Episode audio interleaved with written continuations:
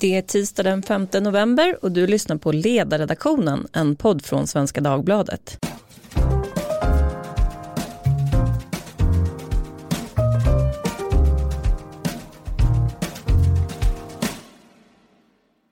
Jag heter Lydia Wåhlsten och idag ska vi prata om LOs framtid. Karl Petter Thorwaldsson meddelade idag att han kommer att lämna rollen som LOs ordförande i sommar och med det lämnar han också sin plats i Socialdemokraternas högst beslutande organ, det verkställande utskottet. Aftonbladets ledarskribent Ingvar Persson kommenterade beslutet så här idag. Torvaldsson valdes till ledare för LO på två meriter. För det första att han representerade idéerna om en sammanhållen arbetarrörelse.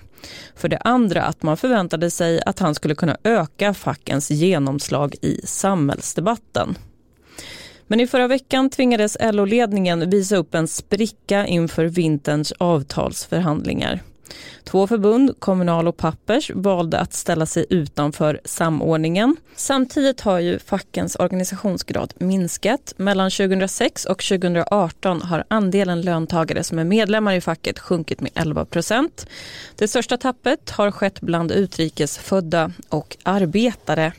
Sociologen Anders Kjellberg han har gjort en prognos som visar att organisationsgraden bland arbetare som ingår då i LO-förbunden kommer att falla till drygt 50 procent om bara två år. Ja, vad innebär den här utvecklingen för fackens makt och vad söker LO i ny ordförande? Det ska vi prata om idag och det gör vi med en fullsatt studio. Med mig har jag Martin Klepke, politisk redaktör på den fackliga tidskriften Arbetet. Välkommen. Tack. Med mig har jag också Håkan Bengtsson, vd för Arenagruppen och två kollegor till höger, eller i alla fall en kollega John Norell, du är masterstudent i nationalekonomi och vice ordförande för det Fria Moderata Studentförbundet. Yes. Och Maria Ludvigsson finns förstås här. Ja, det gör jag förstås. Som sitter och skriver om vad Karl Petter Thorwaldssons avgång betyder egentligen. Min första fråga, som jag hoppas är ja nej-fråga, är så här. Färre medlemmar i facket minskar möjligheten att tvinga fram kollektivavtal. Är det bra, Martin? Nej. Håkan? Nej. John? Ja. Ja. Ska vi börja med ja då? Varför är det här bra? Jo, det är bra av flera anledningar. Facket är ju en kartell och äh, agerar som karteller brukar göra generellt. De gynnar sina egna medlemmar genom att trycka upp priserna, i detta fall då löner, över marknadspriset. Och det här får ju med sig då flera konsekvenser. Dels så leder det till högre pris för konsumenterna och dels leder det till färre arbetstillfällen, alltså högre arbetslöshet. Och det här ska, ska det då de som nekas jobbmöjligheter. Eh, det är också så att det, eh, facket är ett särintresse med avsevärd politisk makt. Och det är klart att den, den använder de för att trycka på för politiska förslag som gynnar deras egna medlemmar på bekostnad av oss andra. Mm. Jag tänkte att vi ska gå in lite grann på det där, för företagen är nämligen ganska förtjusta i det här systemet själva. Men Martin, vad säger du? Ja, av de två fördelar som du kallar fördelar här så är det ju bara en som stämmer. Eh, det är ju eh, att man kan pressa upp eh, lönerna och det är ju själva vitsen med det hela.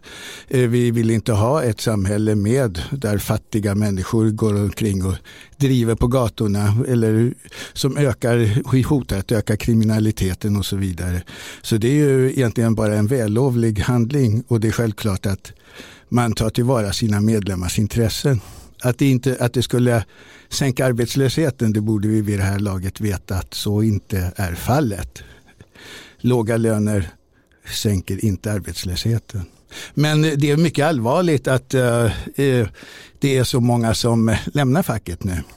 Alltså för varje medlem som lämnar facket så blir facket svagare. Så att ur ett fackligt perspektiv så är, ju, är vi på väg mot en katastrof. Det är inte tu tal om det. Mm. Håkan, hur förklarar du att den här nedgången sker och framförallt då bland arbetare och utrikesfödda som man kan tänka sig skulle ha högst intresse av att organisera sig? Det finns många skäl till det. Jag ska bara först säga också att uh, arbetsmarknaden är ju inte som vilken annan marknad som helst. Det handlar om människors goda leverne förhoppningsvis. Och där, därför har ju den här regleringen i form av kollektivavtal, fackliga organisationer, arbetsgivare uppkommit. Um, och det är också så att hade inte funnits några fackliga organisationer eller kollektivavtal så hade maktbalansen blivit helt orimlig mellan de enskilda arbetstagarna och arbetsgivarna. Men det är klart att eh, det finns många skäl till att den fackliga organisationsgraden sjunker. Ehm, men jag skulle säga att i grunden så här handlar det om strukturella förändringar. Man kan ju se att det, i den traditionella industrin är facket fortfarande relativt stark. Även i den offentliga sektorn. Och eh, däremot i, i, i den privata tjänstesektorn framförallt är organisationsgraden betydligt lägre. Och det har ju strukturella skäl eh, som ligger bakom det. Nämligen att det är svårare att organisera den typen av arbetsplatser. Och det mönstret ser vi ju runt om i hela världen. Det innebär ju inte att behovet av facklig organisering är, är mindre där, tvärtom. Men det är som, som Martin säger, det är, detta är en enorm utmaning för, för facket generellt, alla fackliga organisationer. Mm. Och eh, om, om eh, organisationsgraden skulle sjunka ytterligare så skulle det innebära stora förändringar, negativa förändringar. Mm. Man brukar ju precis som inom klimatforskningen tala om tipping points för när liksom legitimiteten då för det här systemet skulle falla. Kan du se en sån tipping point, vart ligger den i sådana fall?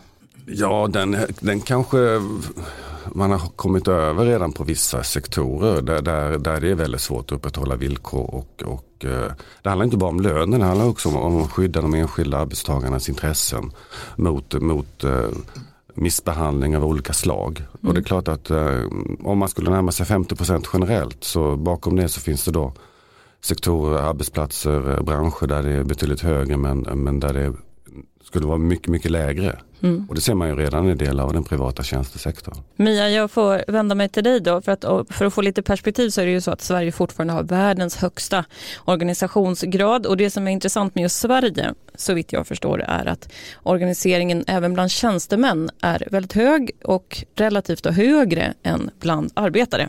Vad är din förklaring till att det ser ut på det sättet? Ja, men det tror jag nog beror på att man från facklig sida så har man börjat köpa medlemmar på ett annat sätt än man gjorde tidigare jag har en kollega faktiskt ganska närstående som är med i facket just därför att det gav ett bättre mm, bolån. Eh, man fick lägre ränta. Det här var ju ett sätt att, att eh, jag tycker i och för sig det är helt rätt att göra så. Att, att man säger du ska ha fler fördelar med att vara med i en sån här gemenskap som du betalar för än kanske bara något, eh, något diffust kollektivt gemensamt.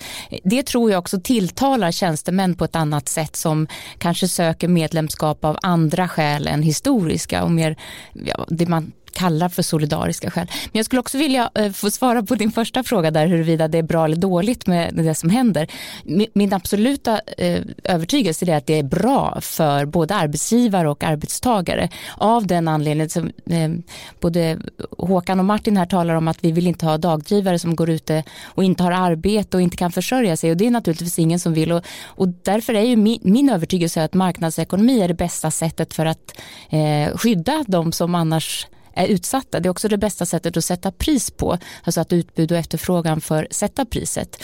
Eh, vi har ju till exempel den ordningen vad gäller något helt annat livsnödvändigt på matmarknaden. Eh, vi skulle inte drömma om att vi skulle ha kollektiva avtal om vad mat skulle kosta utan det får kosta det, det, det man vill betala och det det kostar och det gör också att det finns en tillgång på mat som vi inte behöver lida av. Man, eh, jag tycker vi ska prata lite grann om det här med maktbalansen. För den svenska modellen bygger nu på att parterna ska vara jämnstarka. Och man kan ju då argumentera för att eh, organisationsgraden på arbetsgivarsidan är fortfarande väldigt stark samtidigt som anslutningsgraden på den fackliga sidan då faller. Och det här skapar ju då en obalans inom systemet. Och du pratar ju då om en helt fri marknadsekonomi. Men det skulle ju också betyda då att arbetsgivarna behöver släppa kontrollen över det här systemet. Och på temat som du pratar om, det här med med att man har börjat se till fördelarna mer som ett slags gymkort då, där man får olika typer av fördelar.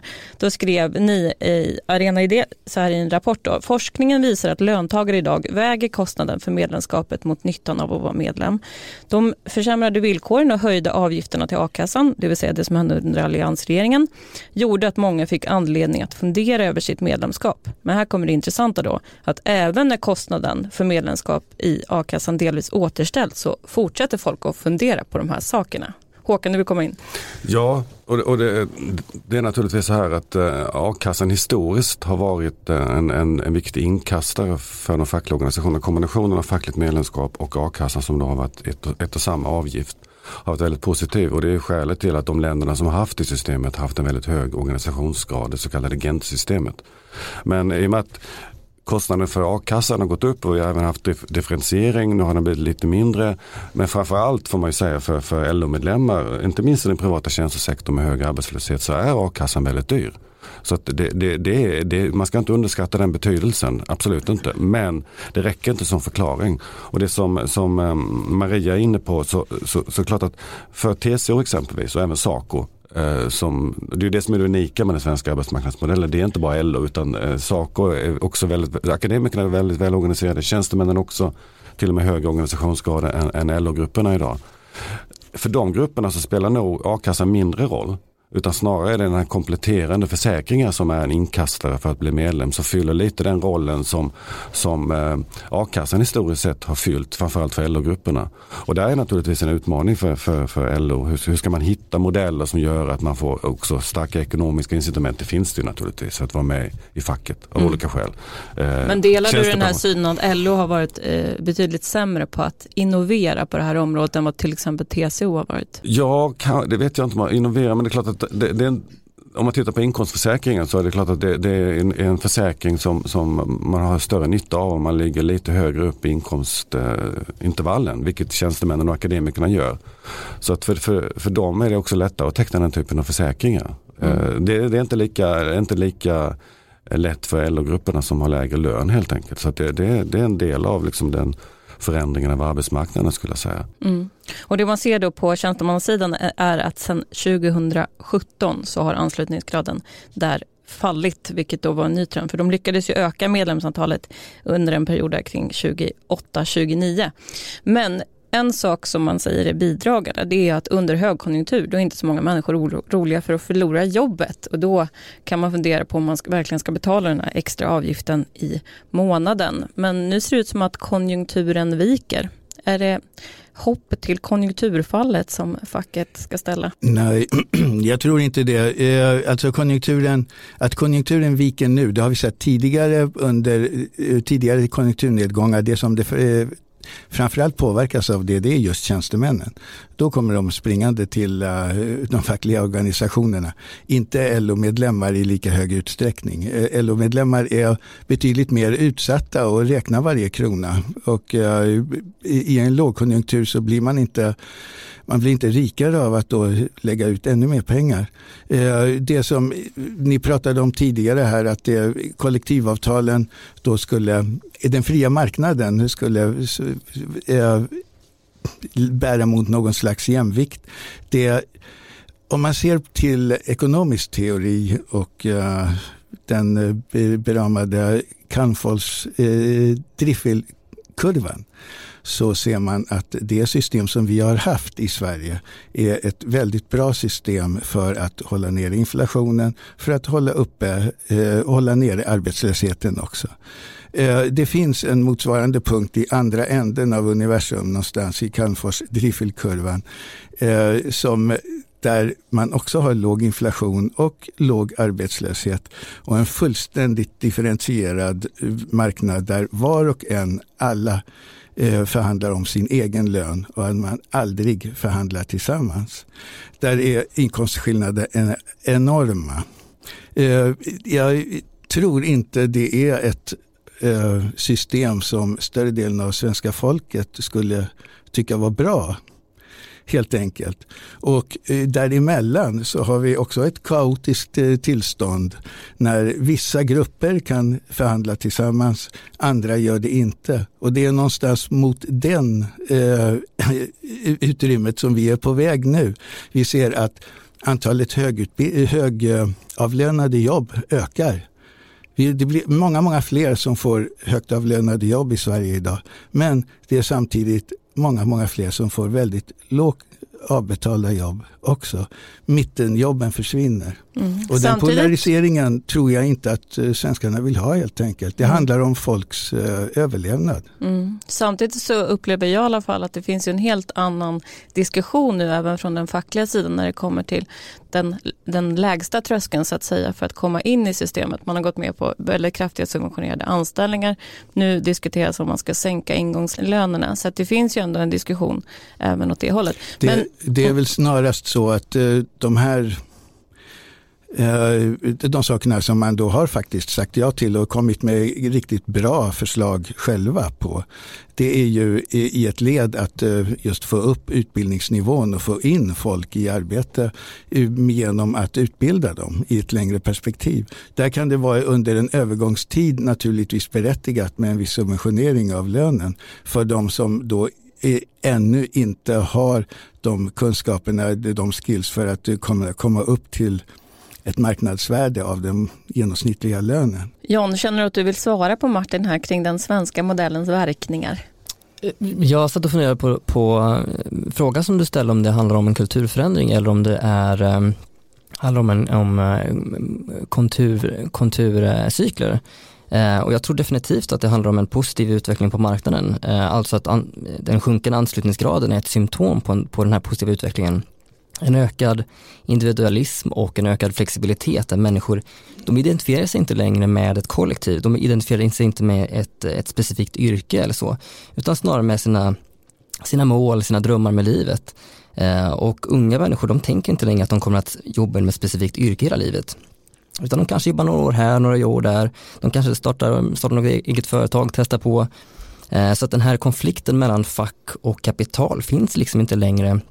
Eh, så det är klart att det har gjort eh, fackets affärsidé eh, ganska olönsam. Så man förstår ju varför LO nu vill besöka vänsterns kongress och, och, och försöka piska igång den här konflikten igen. Men jag tror att det är en, en kulturell förändring.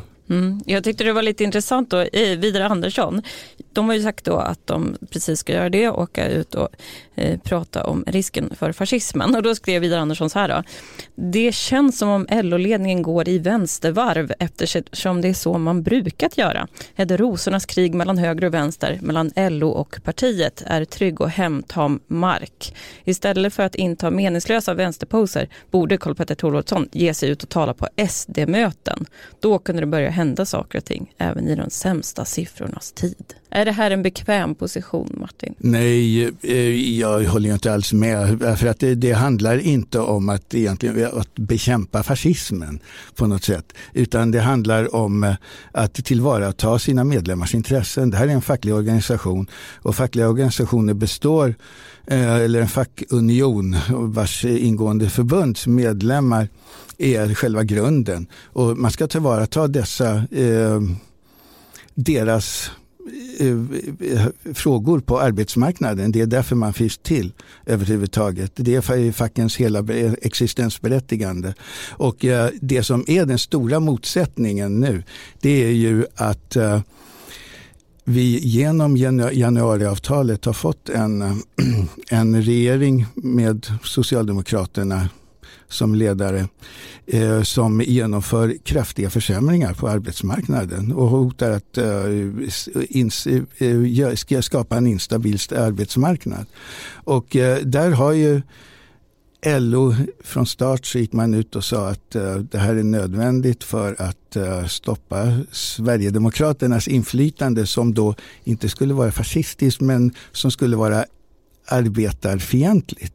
Alltså att man skulle eh, förstöra för arbete för de egna medlemmarna. Men nu har man en, en regering som genom januariavtalet gör samma sak.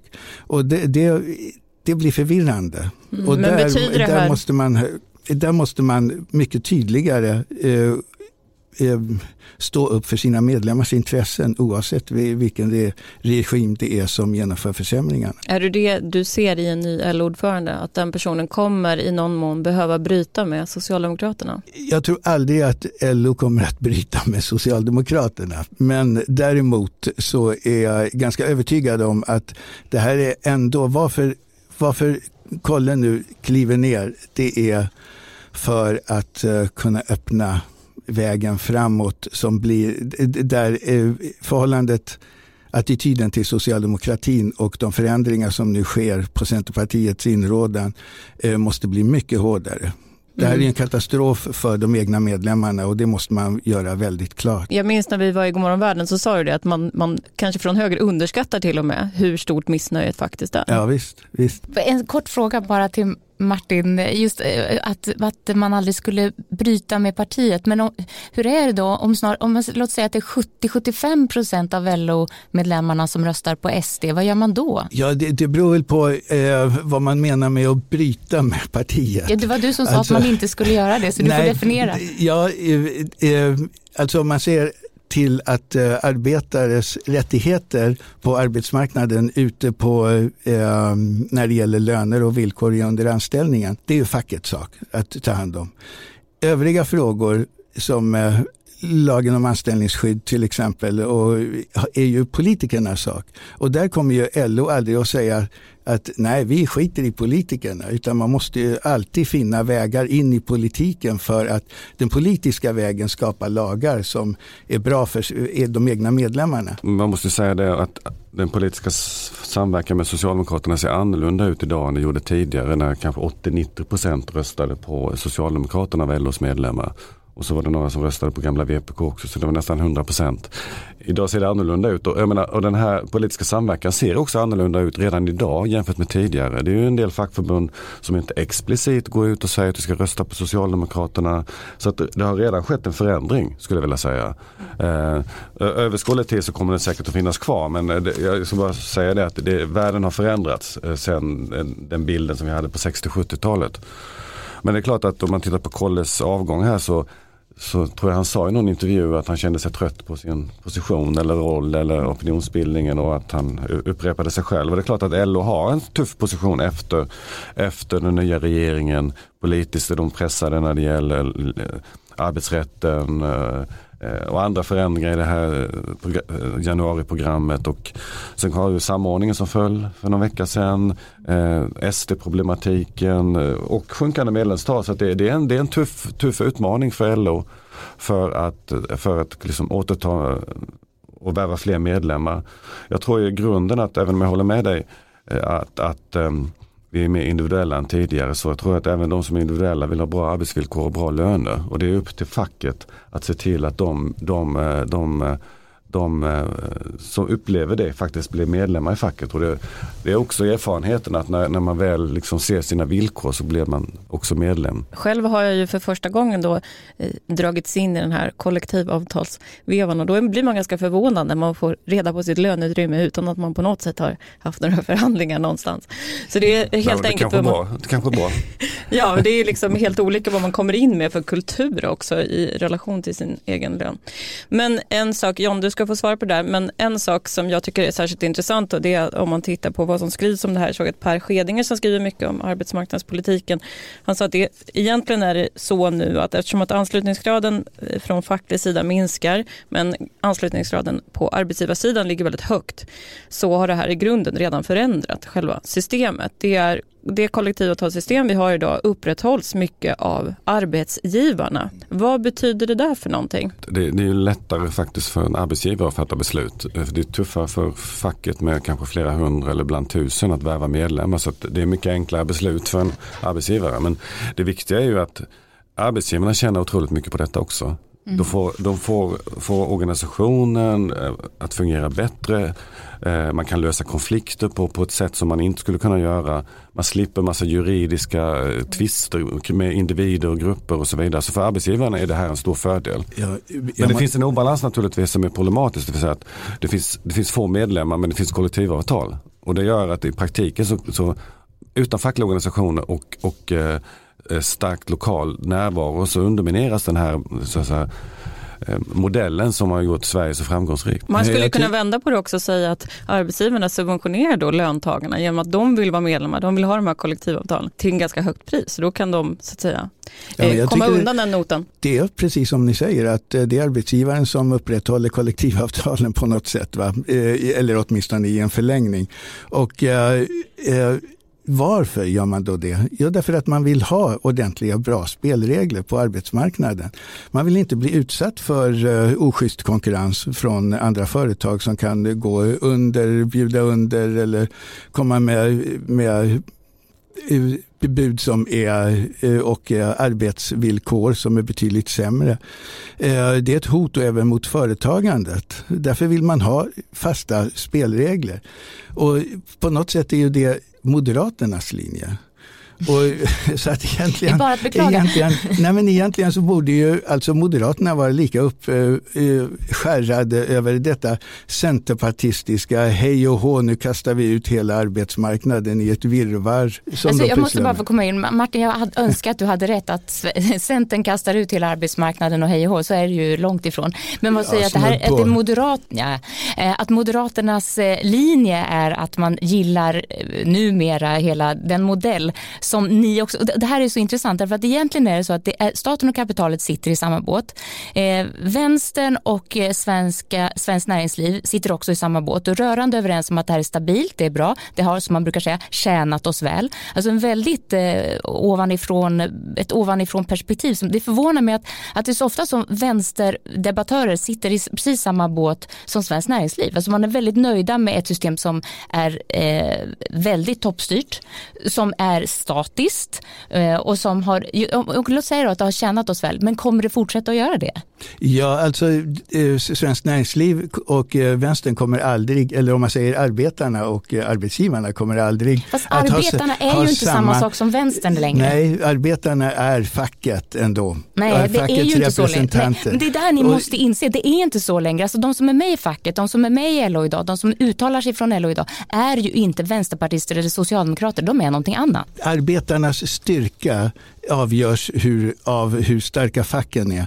Så arbet, svensk, arbet, svensk näringsliv de vill definitivt ha det här systemet kvar men de vill ha det med ett betydligt försvagat fack. Och det är dit de strävar och det är dit vi är på väg. Men de vill inte ha ett totalt virvar på arbetsmarknaden som jag ändå vidhåller att Centern nu håller på att införa när de eh, kastar ut Arbetsförmedlingen, eh, eh, kastar ut lagen om anställningsskydd. Vilka spelregler är det som ska gälla? Det är ingen som egentligen vet. I, om två år, hur ser arbetsmarknaden ut? Du kan inte säga det, jag kan inte heller säga det. Men det, nästan precis det, finns, idag. det finns ju ändå ett antal då makrofaktorer som styr mot att vi istället kommer att få en lagstadgad minimilön som de absolut flesta länder i Europa trots allt har. Och det handlar ju om att den här... Ja, det är din tolkning att vi är på väg mot minimi Faktiskt inte, utan det här är en artikel som jag läste på Arbetet av någon analytiker som sa att vi kommer nog att glida ditåt så småningom, och givet att den här trenden fortsätter. Det står ju på EUs agenda så att vi får se vad som händer. Det, är också, det, det, alltså, det, det,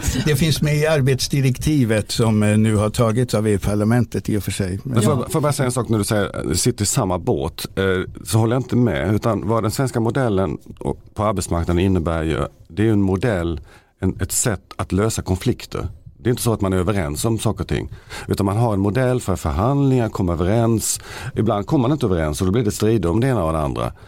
Alternativet både för arbetsgivarna och för löntagarna är sämre. Det vill säga att man skulle vara i ständig konflikt om det ena och det andra och strejker eh, varenda vecka så att säga. De arbetsmarknaderna och de ekonomierna har utvecklats sämre och det förstår har nog arbetsgivarna förstått också. Sen är det hela tiden en strid om den här interna maktbalansen i det här systemet som Martin är inne på. Men eh, för arbetsgivarna Nederländerna och svenska företag har det varit fantastiskt framgångsrikt. Och eh, man ska väl komma ihåg också att det, det var nog i lika hög grad SAF som låg bakom Saltsjöbadsavtalet som ändå... Ja, ja, oh, ja, i högsta grad. Alltså det, var, men det är därför som den här gamla staten och kapitalet-låten är något som man sjunger i, i ungdomsförbunden. Alltså man och är, på SKLs kongresser. Ja, man är kritisk till ordningen som den är, även om det är arbetsgivarnas organisation. Och paradoxen är ju detta att Arbetsgivarförbundet då, eller Svenskt Näringsliv, det är också de som idag ska verka för fri företagsamhet. Så det finns ju en, en motsättning både inom eh, fackföreningsrörelsen men också inom arbets, från arbetsgivarsidan som jag kan tycka är mycket problematisk. Men hörni, vi måste gå vidare. Och det är ju så då att eh, LO-styrelsen hade som mål redan 2006 att öka organisationsgraden för då var den så dramatiskt problematiskt låg, 79 procent. Vi ökar den till 82 procent. Nu är anslutningsgraden 59 procent. Så vi undrar, vem är det som har potentialen inom arbetarrörelsen att vända LOs skuta mot dessa drömsiffror? Håkan? Jag tror inte det är någon enskild person utan jag, jag tror att de fackliga organisationerna generellt måste jobba på ett nytt sätt eh, möta de utmaningar som finns på en allt mer osäker arbetsmarknad, nya typer av anställningsformer och så vidare. Det är inget som man kommer kunna lösa på, på, på tre års sikt utan det är ett långsiktigt projekt. Att hitta modeller för att engagera personer som, som är tillfälligt på ett jobb men ändå hävda och företräda deras intressen. Mm. Och det, det, det, är den stora förändringen som, och det är det som är skälet skulle jag säga till att uh, framförallt LO tappar medlemmar. Mm. Jag såg jätteintressant inom byggnad så funderar man ju nu på en modell att kunna ta in egenföretagare. Det är ju en sån här strid som har funnits. Eh, mm. Där Unionen tror jag med egenföretagare ja. exempelvis. Och, så, jag tror att det är ett exempel på att man måste, måste eh, vidga horisonten lite grann generellt. Va? Det där tycker jag är väldigt eh, positivt. Alltså det finns ju annars inom mycket av det borgerliga, så man vill liksom behålla ordningen och systemen som de är och det sker ju då på, kostnad, på bekostnad av det som är nytt och som vill in. Eh, och det här förhållningssättet som du beskriver är ju att man faktiskt anpassar det rådande systemet efter det nya som händer. Till exempel egenföretagare som man skulle kunna säga att nej men det är bättre att ni blir anställda och vi ser till så att ni får en bra anställning men ni ska inte kommer här mera små F-skattsedlar utan men istället då så anpassar man den gamla ordningen efter det nya som sker, de nya som vill komma in. Det är också en innanför utanför problematik men de som kommer till Sverige har svårt att få jobb. De är inte med i facket. Borde inte en riktig arbetarrörelse också kämpa för att de ska få komma in på arbetsmarknaden? De borde definitivt kämpa för att de ska komma med i facken. Men eh, facket är inte samma sak som att få en anställning. Ja, eh, för att kunna tillvarata deras intressen. Men Martin, vem har den där här... potentialen? Du har ju skrivit ja, idag då. Du okay. skrev så här idag då. Ja. Uh, nu ska vi se vad du skrev. Det är ingen orimlig gissning att LO och dess ordförande måste agera väldigt tydligt för LO-kollektivet utifrån den politik som de facto förs. Jag undrar om det finns någon spekulation. Jag vill ha lite snask här nu. Eh, på efterträdare eller ja. vad menar du? Eh, nej, jag har egentligen inte någon. Då blir jag bara färgad av de eh, de uppkast som redan har skett under dagens lopp här. Marie Nilsson till exempel.